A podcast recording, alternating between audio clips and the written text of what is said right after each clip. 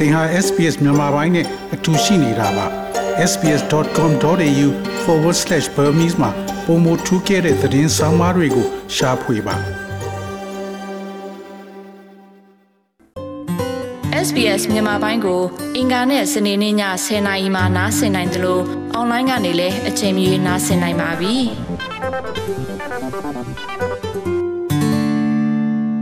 တော်ရရှိမြခင်ဗျာ microplastic လို့ခေါ်တဲ့အလွန်သေးငယ်တဲ့ plastic အစအနတွေကျွန်တော်တို့မြေစီလွှာနဲ့ရေလမ်းကြောင်းတွေထဲကိုယိုယွင်းစိတ်ဝင်လာပြီးအဆုံးမှာတော့လူတွေရဲ့အစာအိမ်ထဲရောက်သွားပြီးလူတွေပေါ်ဘလို့သက်ရောက်မှုရှိလဲဆိုတာကို သူတေသနာပြုလုပ်ဖို့ကမ္ဘာ့ကျန်းမာရေးအဖွဲ့ကြီး WHO ကနေတောင်းဆိုနေပါတယ်။အစီရင်ခံစာကဒီသေးမွားတဲ့ microplastic တွေကလူခန္ဓာကိုယ်ထဲရောက်သွားတဲ့အခါ ဘလို့တက်ရောက်မှုရှိတယ်ဆိုတာကိုယခုလောလောဆယ်မှာသိပ္ပံပညာရှင်တွေက မသိသေးတဲ့အတွက်အနာဂတ်မှာလူတွေကိုဘလို့ဘေးအန္တရာယ်ရှိစေနိုင်တယ်ဆိုတာကို သိနိုင်ဖို့ပုံမို့လို့သူသေသနာတွေလုပ်ဖို့တောင်းဆိုနေတာဖြစ်ပါတယ်။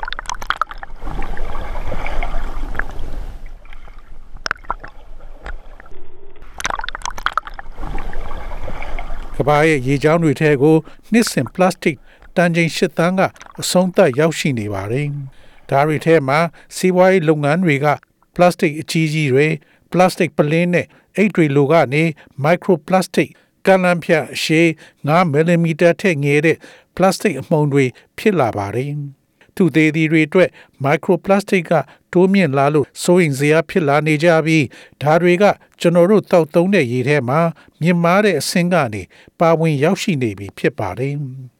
ဩဂတ်စ်လ22ရက်ကထုတ်ပြန်လိုက်တဲ့အစီရင်ခံစာမှာကမ္ဘာ့ကျန်းမာရေးဌာန WHO ကလူတွေကပလတ်စတစ်ကို စားသုံးနေမိပြီးဒါပေမဲ့လူခန္ဓာကိုယ်ကိုဓာတ်ရိုက်သက်ရောက်မှုကိုတော့မသိရှိရသေးဘူးလို့ဆိုပါတယ်။မကွာရီတက္ကသိုလ်ကပါဝင်ခြင်းသိပ္ပံပညာရှင် Paul Harvey ပြောတာကသိပ္ပံကအဲ့ဒီနေရာကိုမရောက်သေးဘူးလို့ဆိုပါတယ်။ We don't have a really terribly good idea of what happens once the microplastic plastics are in the body and start interacting with အဲဒီ microplastic တွေကလူခန္ဓာကိုယ်ထဲရောက်လာပြီးအစာအိမ်ရဲ့ acid ဝမ်းကျင်နဲ့စပြီးတုတ်ပြန်မှုတွေစတင်ဖြစ်တဲ့အခါဘာဖြစ်လဲဆိုတာကိုကျွန်တော်တို့သိသဘောပေါက်နားလည်မှုမရှိသေးပါဘူး ဒီ plastic တွေဘလို့ပြိုကွဲသွားလဲဆိုတာကို ကျွန်တော်တို့နားမလည်သေးပါဘူးအဲဒီအချိန်မှာပဲ WHO ပြောတာကပိုမိုကြီးတဲ့ microplastic 150 micrometer သို့မဟုတ်3.15မီလီမီတာကခန္ဓာကိုယ်ထဲမှာဖြတ်သန်းကျော်ထွက်သွားနိုင်တော့လေသူတို့စိုးရိမ်နေတာကသေးမွားတဲ့ plastic နာနိုအရွယ်ပလတ်စတစ်တွေကို လူအင်္ဂါတွေသို့မဟုတ်သွေးချောင်းတွေကဆုပ်ယူသွားနိုင်ပြီးအဲဒါတွေကယောဂဖြစ်စေနိုင်တဲ့ဘက်တီးရီးယားတွေကိုသယ်ဆောင်နိုင်ပါတယ်။သိပ္ပံပညာရှင်တွေကအဲ့ဒီနယ်ပယ်ကိုပုံမိုလို့လေ့လာစုံစမ်းဖို့လိုနေတယ်လို့ Mr. Harvey ကဆိုပါတယ်။ The microplastic plastic uh, plastics can act as sort of a a raft, if you like, for bacteria pathogens to, to jump on and uh, be transmitted around through the environment. Or the the microplastics might create some sort of chemistry in which သင်ဒီလိုခေါ်လို့ရပါတယ်ဒီ microplastic တွေကယောဂဖြစ်စေနိုင်တဲ့ bacteria တွေအတွက်ဖောင်းတပွဲဖြစ်နေပြီးသူတို့ခုန်တက်သွားပြီးမြည်ရည်ကြောင်းမြေစီသီးနှံစတဲ့ပတ်ဝန်းကျင်ကိုကူးဆက်စေတာသို့မဟုတ် microplastic တွေကဓာတ်သဘောတစ်မျိုးမျိုးကိုတီထွင်လိုက်ပြီးတချို့ bacteria တွေကိုကျွန်တော်တို့လက်ရှိကုသတဲ့နီလန်းကို ခုခံအားရှိလာနိုင်ပါတယ်ကျွန်တော်တို့ antibiotic ဆေးမတိုးတဲ့ bacteria တွေတွေ့နိုင်ပြီးဒါကလွယ်ကူစွာ plastic ကဒီ gene ကိုပြောင်းလဲပေးလိုက်တာမျိုးဖြစ်နိုင်ပါတယ် WHO အစီရင်ခံစာကဒါနဲ့ပတ်သက်လို့သူဒေသနာလောက်တာချို့တက်နေပေမဲ့ microplastic တွေကအန္တရာယ်ဖြစ်ဖို့ကနည်းတယ်လို့သုံးဆွဲသူတွေကို စိတ်ချလက်ချဖြစ်စေရန်ကိုလည်းချီးကပ်ထားပါတယ်။ဒါပေမဲ့ ဒါနဲ့ပတ်သက်လို့ Mr. Harvey က microplastics like all pollutants in the environment all contaminants in the environment microplastic ပတ်ဝန်းကျင်မှာရှိနေတဲ့ညဉ့်ညမ်းမှုတွေလိုပါပဲပတ်ဝန်းကျင်မှာရှိနေတဲ့ညဉ့်ညမ်းစေတဲ့အရာအလုံးကိုကင်တွယ်သလိုပါပဲအဲဒီမှာဘေးကင်းတဲ့ထိတွေ့မှုဆိုတာမရှိပါဘူးဒီ microplastic နဲ့ပတ်သက်တဲ့ပြဿနာကလွန်ခဲ့တဲ့10နှစ်လောက်ကမှစတင်ခဲ့တာပါအကြောင်းပြချက်ကတော့လူတော်များများပြောတာက သူသေသနာလောက်တာရန်နေခဲ့လို့ဖြစ်တယ်လို့ဆိုပါတယ်။ Newcastle တက္ကသိုလ်က Global Center for Environmental Remediation ကဒေါက်တာသာဗာပါလာနီဆာမီမျှော်လင့်တာကတော့နောက်နှစ်အနည်းငယ်တွင်းမှာပုံမထီရောက်တဲ့သူသေသနာတွေဖြစ်ပေါ်လာဖို့ပါ The field of uh, microplastic and human health is still emerging. And uh, Europe is actually currently ahead on this topic, so we may get to see some microplastic results, နဲ့ uh, လူကျန်းမာရေးကဆက်လက်လို့ပေါ်ထွက်လာနေတဲ့နယ်ပယ်ဖြစ်ပြီးတကယ်တမ်းလက်ရှိယခုအချိန်ခါနဲ့ပတ်သက်လို့ဥရောပကဒီသူသေသနာပြုလုပ်တဲ့နေရာမှာရှေ့ရောက်နေပါတယ်။ဒါကြောင့်နောက်တစ်နှစ်နှစ်နှစ်တွဲမှာကျွန်တော်တို့အဖြေရလဒ်တချို့ကိုမြင်တွေ့နိုင်မှာပါ။သူသေသနာလုပ်နေတာကိုအခုချိန်မှာ နောက်ဆုတ်ဖို့အချိန်ခါမဟုတ်ဘူးလို့သူကဆိုပါတယ်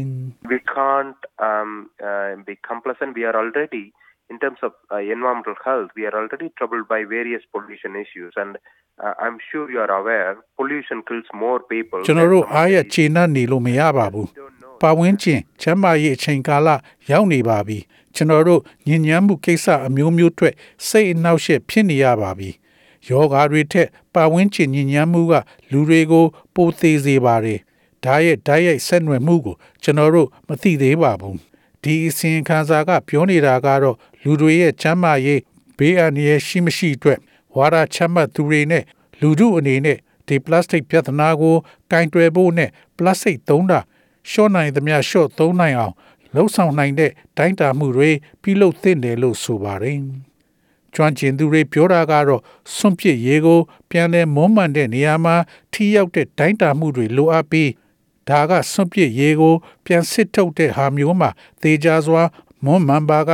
microplastic 90ရာခိုင်နှုန်းကျော်ကိုရေတွေကနေဖယ်ရှားနိုင်မှာဖြစ်ပါတယ်။ New South Wales တက္ကသိုလ်က Civil and Environmental Engineer Stewart Khan ပြောတာကတော့ဒါကိုဦးစားပေးလှုပ်ဆောင်ရမယ်လို့ဆိုပါတယ်။ Probably where we need to focus more is on the wastewater treatment. All of the sewage that we're discharging to the environment, that's more the source of the microplastics. It's much, much more proactive to be treating wastewater to a higher level uh, and making sure we don't release the fire. ကျွန်တော်တို့ပို့လို့စူးစိုက်တင်တဲ့နေရာကစွန့်ပစ်ရေကို ပြန်လည်မွမ်းမံတဲ့နေရာမှာပါပါဝင်ခြင်းကိုစွန့်ပစ်တဲ့မိန်လာအလုံးထဲက microplastic တွေကအဓိကထွက်လာတဲ့နေရာပါ စွန့်ပစ်ရေကို ပြန်လည်မွမ်းမံတဲ့နေရာမှာပုံမမြင်မာတဲ့စစ်ထုတ်မှုအဆင့်မှာရှိဖို့ပိုလို့မဖြစ်လာခင်မှာလှုပ်တင်ပြီးပင်လေမြစ်တွေနဲ့ရေစီးချောင်းတွေထဲကို fiber တွေနဲ့တခြားသေးမွားတဲ့ microplastic တွေမထုတ်လို့မိအောင်သေချာအောင်လုပ်ဖို့လိုပါတယ်။ဒါပေမဲ့ Mr. Khan လက်ခံပြောဆိုတာက microplastic ကိုလူတွေမထိတွေ့စေဖို့ရောနေအောင်လုပ်ဖို့အကောင်းဆုံးနည်းလမ်းက plastic တွေညဉ့်ညမ်းစေမှုကို ကျေပြန့်စွာထိရအောင်ဖြိုခွင်းဖို့ဖြစ်တယ်လို့ဆိုပါတယ်။ plastic အစားတခြားဟာတွေသုံးဖို့ယင်းဤမြုပ်နှံမှုကလည်းအရေးကြီးတယ်လို့သူကဆိုပါတယ် So I think we need to go back to the way that plastics are designed and manufactured, the polymers that are being developed to make plastics. And we need to make sure that we're making plastics that do all of the things that we rely on plastics for, but are ultimately biodegradable, so that once they are almost inevitably released into the environment, they don't hang around. for plastic ကို decades or ဒီဇိုင်းလုပ်တာနဲ့ထုတ်လုပ်တဲ့နည်းတွေစီကျွန်တော်တို့ပြန်သွားမယ်လို့ကျွန်တော်ထင်ပါတယ်ကျွန်တော်တို့သေချာအောင်လုပ်ရမှာကကျွန်တော်တို့ plastic ကိုထုတ်တာကကျွန်တော်တို့ plastic ပေါ်မှီခိုဖို့အတွက်လောက်တာအားလုံးမျိုးမဖြစ်စေသင့်သလိုလုံးဝအဆုံးမှာတော့ လွယ်တကူပြက်ပြားသွားနိုင်တဲ့ plastic ကိုလှုပ်ပြီးဒါမှသာမလွဲဧကံပါဝင်ခြင်းကိုလွှင့်ထုတ်လိုက်တဲ့အခါသူတို့ဆယ်စုနှစ်သို့မဟုတ်ရာစုနှစ်ကြာဆက်လက်တည်ရှိမနေပဲသူတို့ပြိုကွင်းယိုယွင်းသွားတာဖြစ်စေမှာပါတော်ရရှိမြခင်ဗျာဒီပလတ်စတစ်ပြဿနာကိုဖြေရှင်းတဲ့နေရာမှာပလတ်စတစ်တွေထုတ်လုပ်ပြီးမှလိုက်ထိမ့်သိမ့်မဲ့အစားပလတ်စတစ်ထုတ်လုပ်တဲ့စက်ရုံတွေကိုရပ်ဆိုင်းလိုက်မယ်ဆိုရင် ပါဝင်းကျင်ကို ပလတ်စတစ်တွေနဲ့ညဉ့်ညမ်းတဲ့ပြဿနာကို ဖြေရှင်းနိုင်မယ်လို့ထင်ပါကြောင်းပြောဆိုရင် SBS သတင်းဌာနကအမီလီယာဒန်နီယယ်ဆောင်းပါကိုဘာသာပြန်တင်ဆက်ပေးလိုက်ရပါတယ်ခင်ဗျာ SBS မြန်မာပိုင်းကိုနားဆင်ရတာနှစ်သက်ပါတလား Facebook မှာဆွေးနွေးမှုတွေကိုဆက်ကြရအောင်ပါ SBS မြန်မာပိုင်း Facebook ကို like လုပ်ပြီးတော့သင်ချင်တဲ့ချက်ကိုမျှဝေနိုင်ပါတယ် SBS Bemis ကို Facebook မှာ share ကြည့်နိုင်ပါတယ်ရှင်။